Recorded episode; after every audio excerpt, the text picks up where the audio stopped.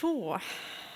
Alltså det är ju lite extra roligt att se dig här idag. Eh, det är ju min sista arbetsdag. Det är inte bara sista söndagen jag predikar här som anställd pastor i församlingen, utan det är min sista arbetsdag. Det är ett fint sätt att gå i mål på skulle jag säga. Få dela Guds ord. Och jag ska göra det utifrån den serie som vi är inne i. Att Gud är ljus. Men jag gör det också utifrån ett ämne som ligger mig väldigt varmt om hjärtat.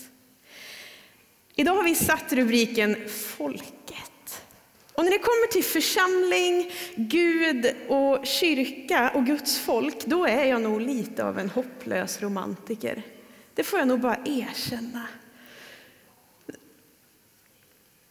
Det kanske är svårt att vara något annat när man jobbar som pastor, men därför är det också en fantastisk rubrik att få ha sin sista söndag här. Så ja, det finns få saker jag hellre pratar om än kyrka. Och de tidigare söndagarna i den här serien så har du hört Jörgen prata om att Gud är ljus, han är hoppet för våran tid. Han är ljuset som lyser upp vägen. Och var du här förra söndagen på gudstjänst med alla åldrar, då fick du höra talas om att det kristna budskapet, Jesus Kristus, det är det bästa budskapet som finns i världen. Har du missat någon av de söndagarna, då tycker jag att du ska gå in och lyssna på Spotify eller på hemsidan i efterhand. Jag tror att det kan få välsigna dig på riktigt. Det har varit riktigt bra söndagar. Vi ska ta vårt avstamp idag i den text som vårt temabibelord är plockat ifrån. Jörgen han läste fortsättningen lite grann. Vi ska börja lite tidigare. Och det här är ju ord skrivna av en gammal Johannes. Alltså han som var med som en av Jesu lärjungar i sin ungdom. Han som hade fått se med egna ögon. Han som fick vara med och vandra med Jesus. Och han som sen fick se hur tronen fortsatte att bära. Även när Jesus hade återvänt till himmelen så fanns den tro som var planterad i honom kvar.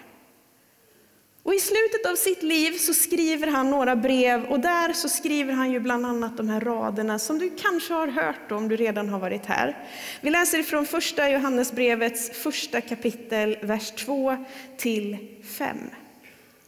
Livet har uppenbarats. Vi har sett det och vittnar om det och förkunnar för er det eviga livet som var hos Fadern och uppenbarades för oss. Det vi har sett och hört förkunnar vi för er för att också ni ska ha gemenskap med oss.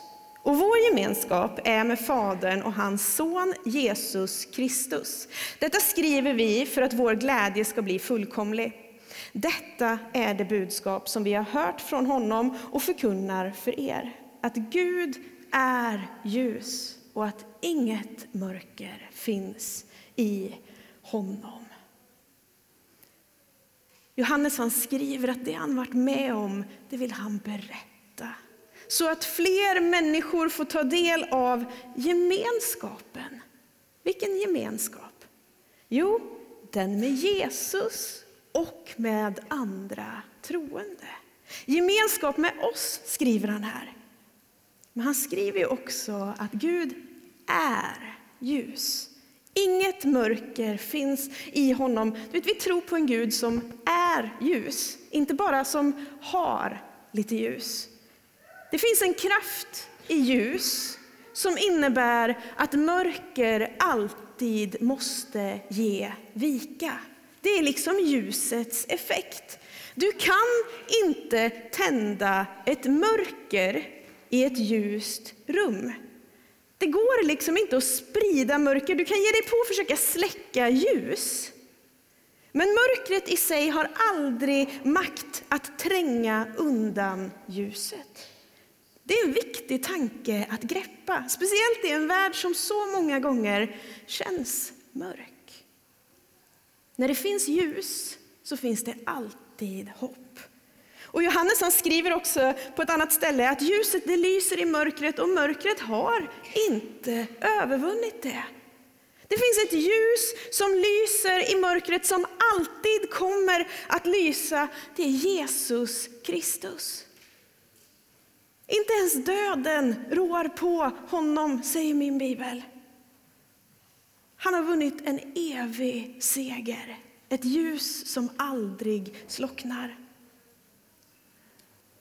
Du har fått höra det de senaste söndagarna, att Jesus han är ljus och hopp för en mörk tid. Han är ljuset som lyser upp vägen där vi går fram. Han är det bästa budskap som den här världen någonsin har skådat. Han är goda nyheter. Ett evangelium, det betyder goda nyheter. Så Gud är ljus och inte nog med det. Han som är ljus vill ta sin boning i dig. Han vill flytta in i ditt liv. I Efesierbrevet 5 och 8 så står det att tidigare var ni mörker, men nu är ni ljus i Herren.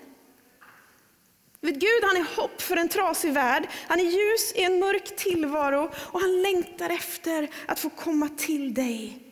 Han längtar efter att ta sin boning i dig. Bibeln talar om att det händer någonting med en människa som tar emot Jesus i livet. Tidigare var ni mörker, men nu är ni ljus. Kristen tro kan aldrig reduceras till ett åsiktspaket som du ska köpa och ställa hemma i hyllan. Det är liksom inte främst en uppsättning värderingar som du ska anta och leva ditt liv efter. Kristen tro det är ett möte med Jesus Kristus och det förvandlar liv. Det är att bjuda in himmelens skapare att ta plats med sitt ljus. Du kan få låta honom tala till dig, leda dig, visa vägen. Mötet med Jesus är att låta sig själv bli fylld av ljus ifrån himmelen. Och nu när det liksom är min sista söndag så kanske jag ska passa på att erkänna en sak för er. Det är nämligen så, vi sjunger en lovsång i den här kyrkan ibland som jag har lite problem med. Inte i helhet, men det finns en strof som jag har lite bekymmer med teologiskt.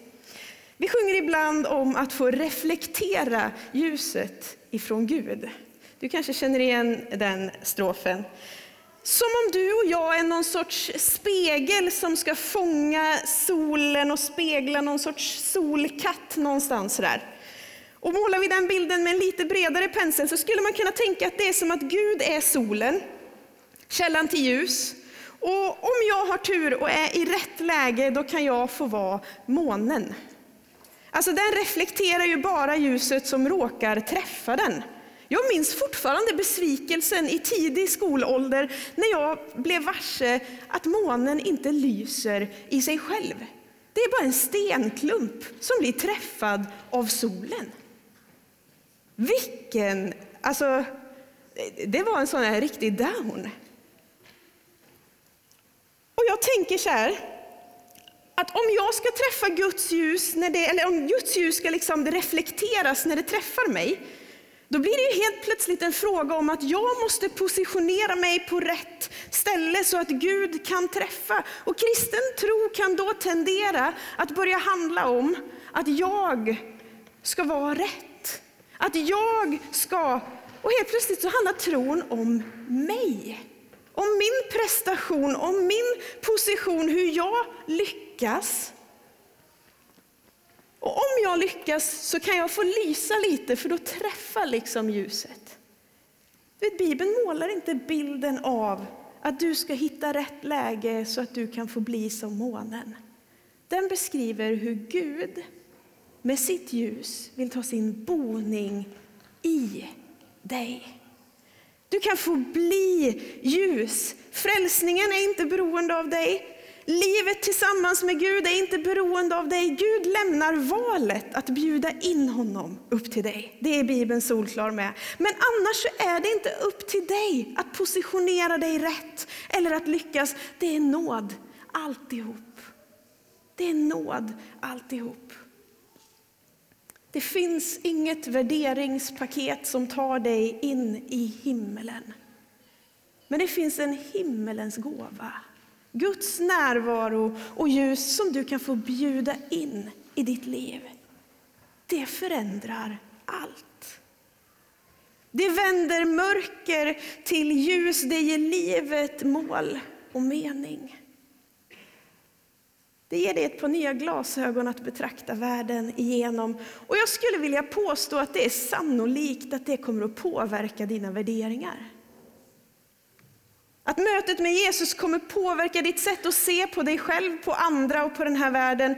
Men det är liksom inte värderingarna i sig som är ljuset. Det är Gud som är ljus. Jesus Kristus är ljus. Och när du håller fast vid det som han säger om dig och tillvaron, då skriver Paulus vid ett tillfälle att du kan få vara med och lysa som en stjärna i natten. Inte som en måne som blir lite träffad, utan som en stjärna i natten. Inneboende ljus. Det är inte upp till dig att vara på rätt ställe så du kan få reflektera lite grann. Det är upp till dig att bjuda in himmelens Gud i ditt liv. Och han säger att du kan få bli en stjärna som lyser i en mörk värld. Och när Johannes sen författar sitt evangelium, alltså berättelsen om Jesus, de goda nyheterna om Gud in i livet, då börjar han med att sätta ord på hur Jesus har funnits sedan tidens början.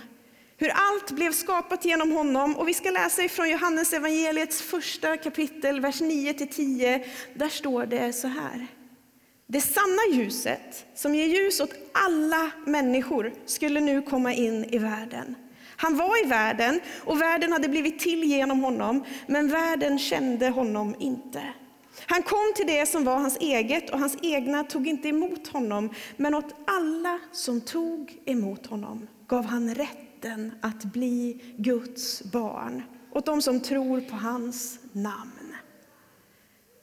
Åt alla som tar emot Jesus ges rätten att bli ett Guds barn.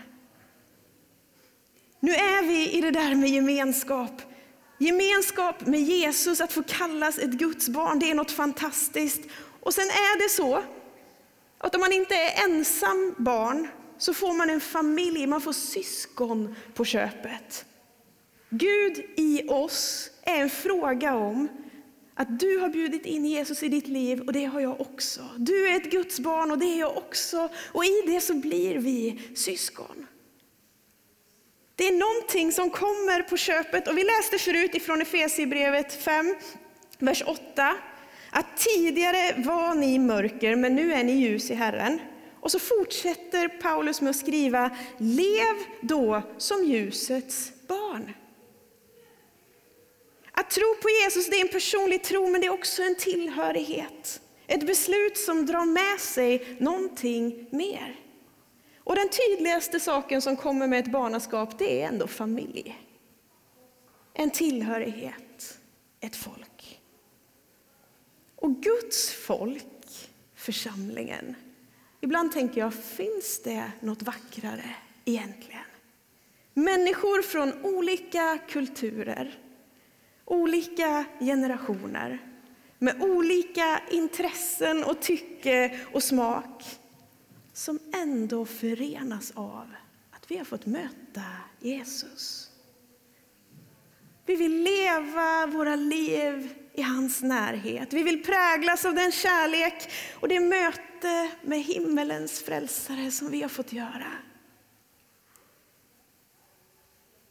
I Bibeln möter vi en av Jesu lärjungar som heter Petrus. Han både misslyckas och får vara med om ganska extraordinära saker tillsammans med Jesus.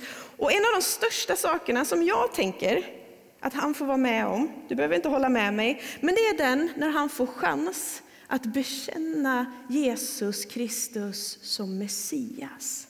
Den levande Gudens son. Och svaret som han sen då får ifrån Jesus blir liksom ett svar och en kallelse som han går med under hela sitt liv.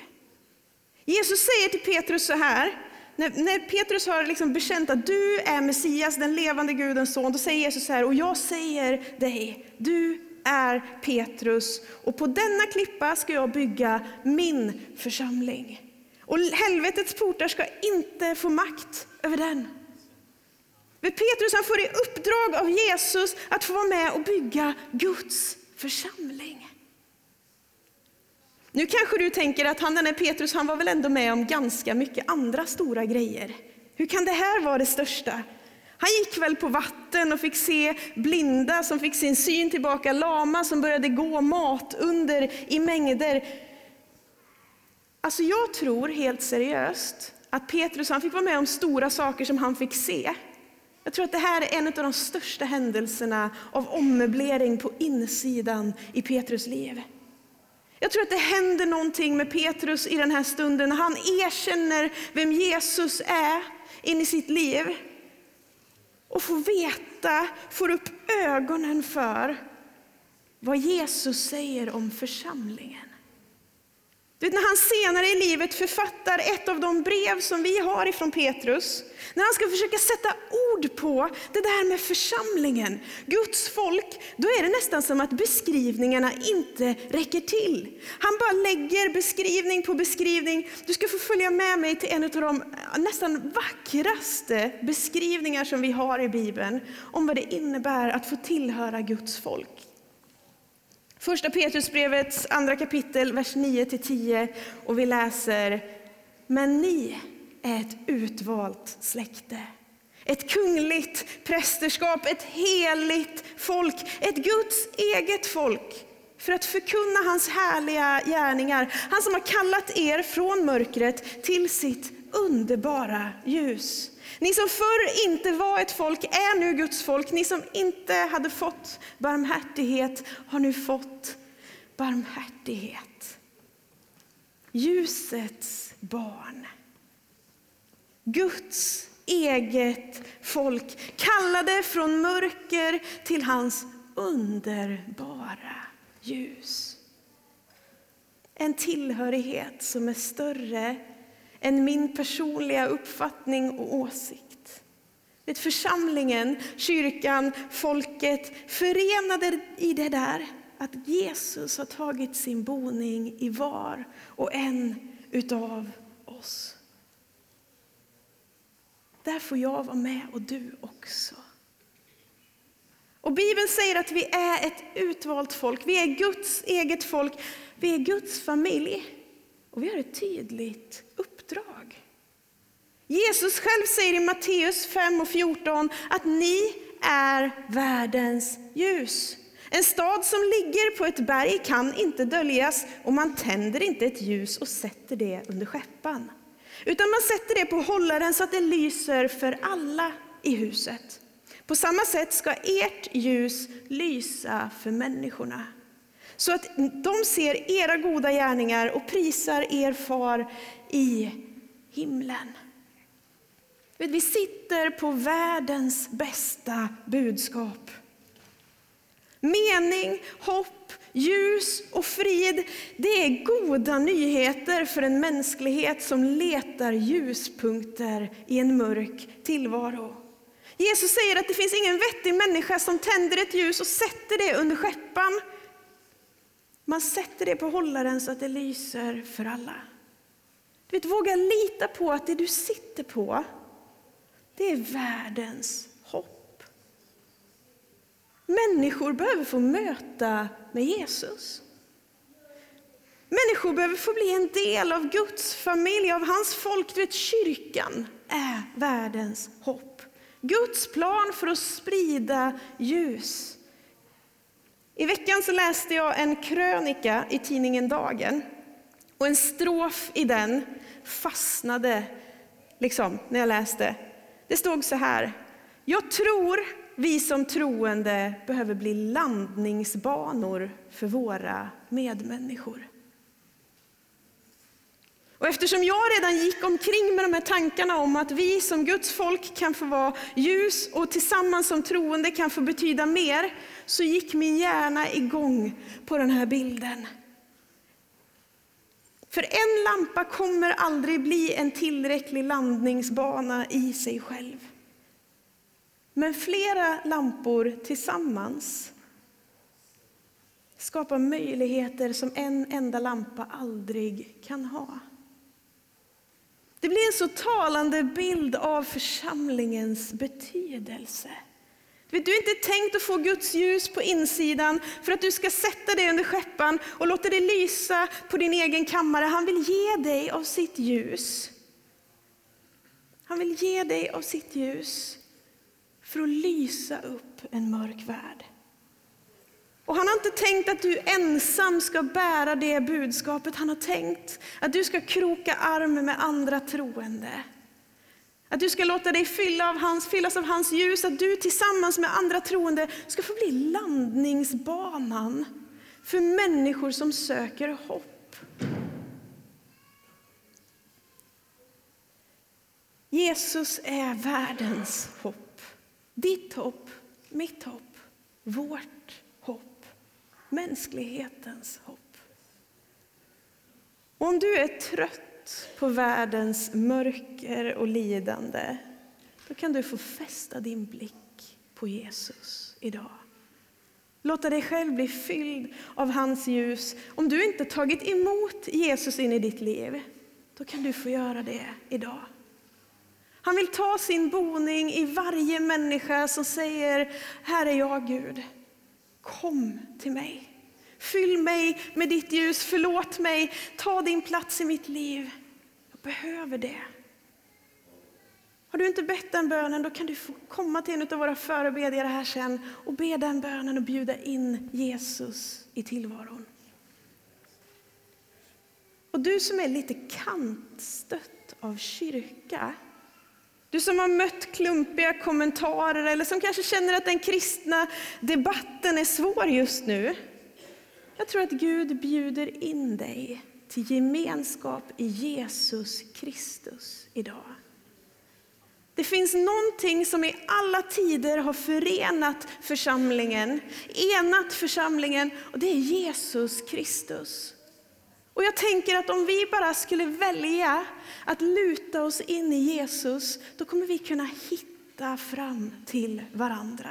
Trots våra olikheter så kan vi få bli mer än det vi är i oss själva. Jag skulle vilja utmana dig att luta dig in. Att våga vara ett ljus på hållaren, att våga kroka arm tillsammans som församling här i Trollhättan och bli landningsbanan för människor som behöver hopp på den här platsen. Med ditt ljus, det behövs. Lovsångsteamet kan få komma fram och även du som är förebedjare kan få komma fram. För i den här kyrkan så vill vi be för den som vill ta emot förbön. Vi vill eh, ge dig möjligheten att få bli välsignad. Vi vill ge dig möjligheten att få bjuda in Jesus. Vi vill ge dig möjligheten, oavsett vilket behov du har, att komma fram till en av de här personerna och säga, kan du be för mig? Det kan vara något stort, det kan vara något litet, det kan vara att du bara behöver fästa blicken på Jesus idag. Oavsett vilket behov du har så är du välkommen. Jag tänker att du ska få varsågod och stå upp tillsammans med mig här. Vi ska be tillsammans. Och när jag har bett så ska du få vara med och sjunga en sång som jag har önskat in i den här söndagen. Den sången det är namnet Jesus vill jag sjunga. En sång som har ekat i kyrkor i många år. En fantastisk proklamation av den Jesus som vi tror på. Och Jag skulle önska, om du har en tro på Jesus, att du lutar dig in i den sången. Gör den sången till din. Om du känner att du inte kan sjunga, så var med och be orden om vad namnet Jesus gör in i en människas liv, in i en församlingsgemenskap, in i en värld som behöver hopp. Så välkommen fram till förbön. Vi ber tillsammans. Jesus, jag tackar dig för att du är namnet över alla namn. Tackar dig för att ditt namn det kommer att lysa genom alla tider. Det finns inget mörker som rår på det ljus som du är Gud och vi tackar dig för att du vill komma till oss. Tack att du kommer till den som bjuder in dig i sitt liv, som säger Jesus, jag behöver dig. Tack att du kommer och möter med oss. Tack att du vill ge oss av ditt goda. Tack att du vill fylla oss som församling med ditt hopp, med ditt ljus, med din kraft att få vara landningsbanan för människor i Trollhättan som behöver få möta med dig. Jesus, jag ber dig att den här världen ska få se vem du är genom din församling. På olika platser över vår värld så tackar vi dig för att du gör dig själv synlig. Så Herre, bara kom till oss i den här stunden. Kom till oss, jag ber. I Jesu Kristi namn.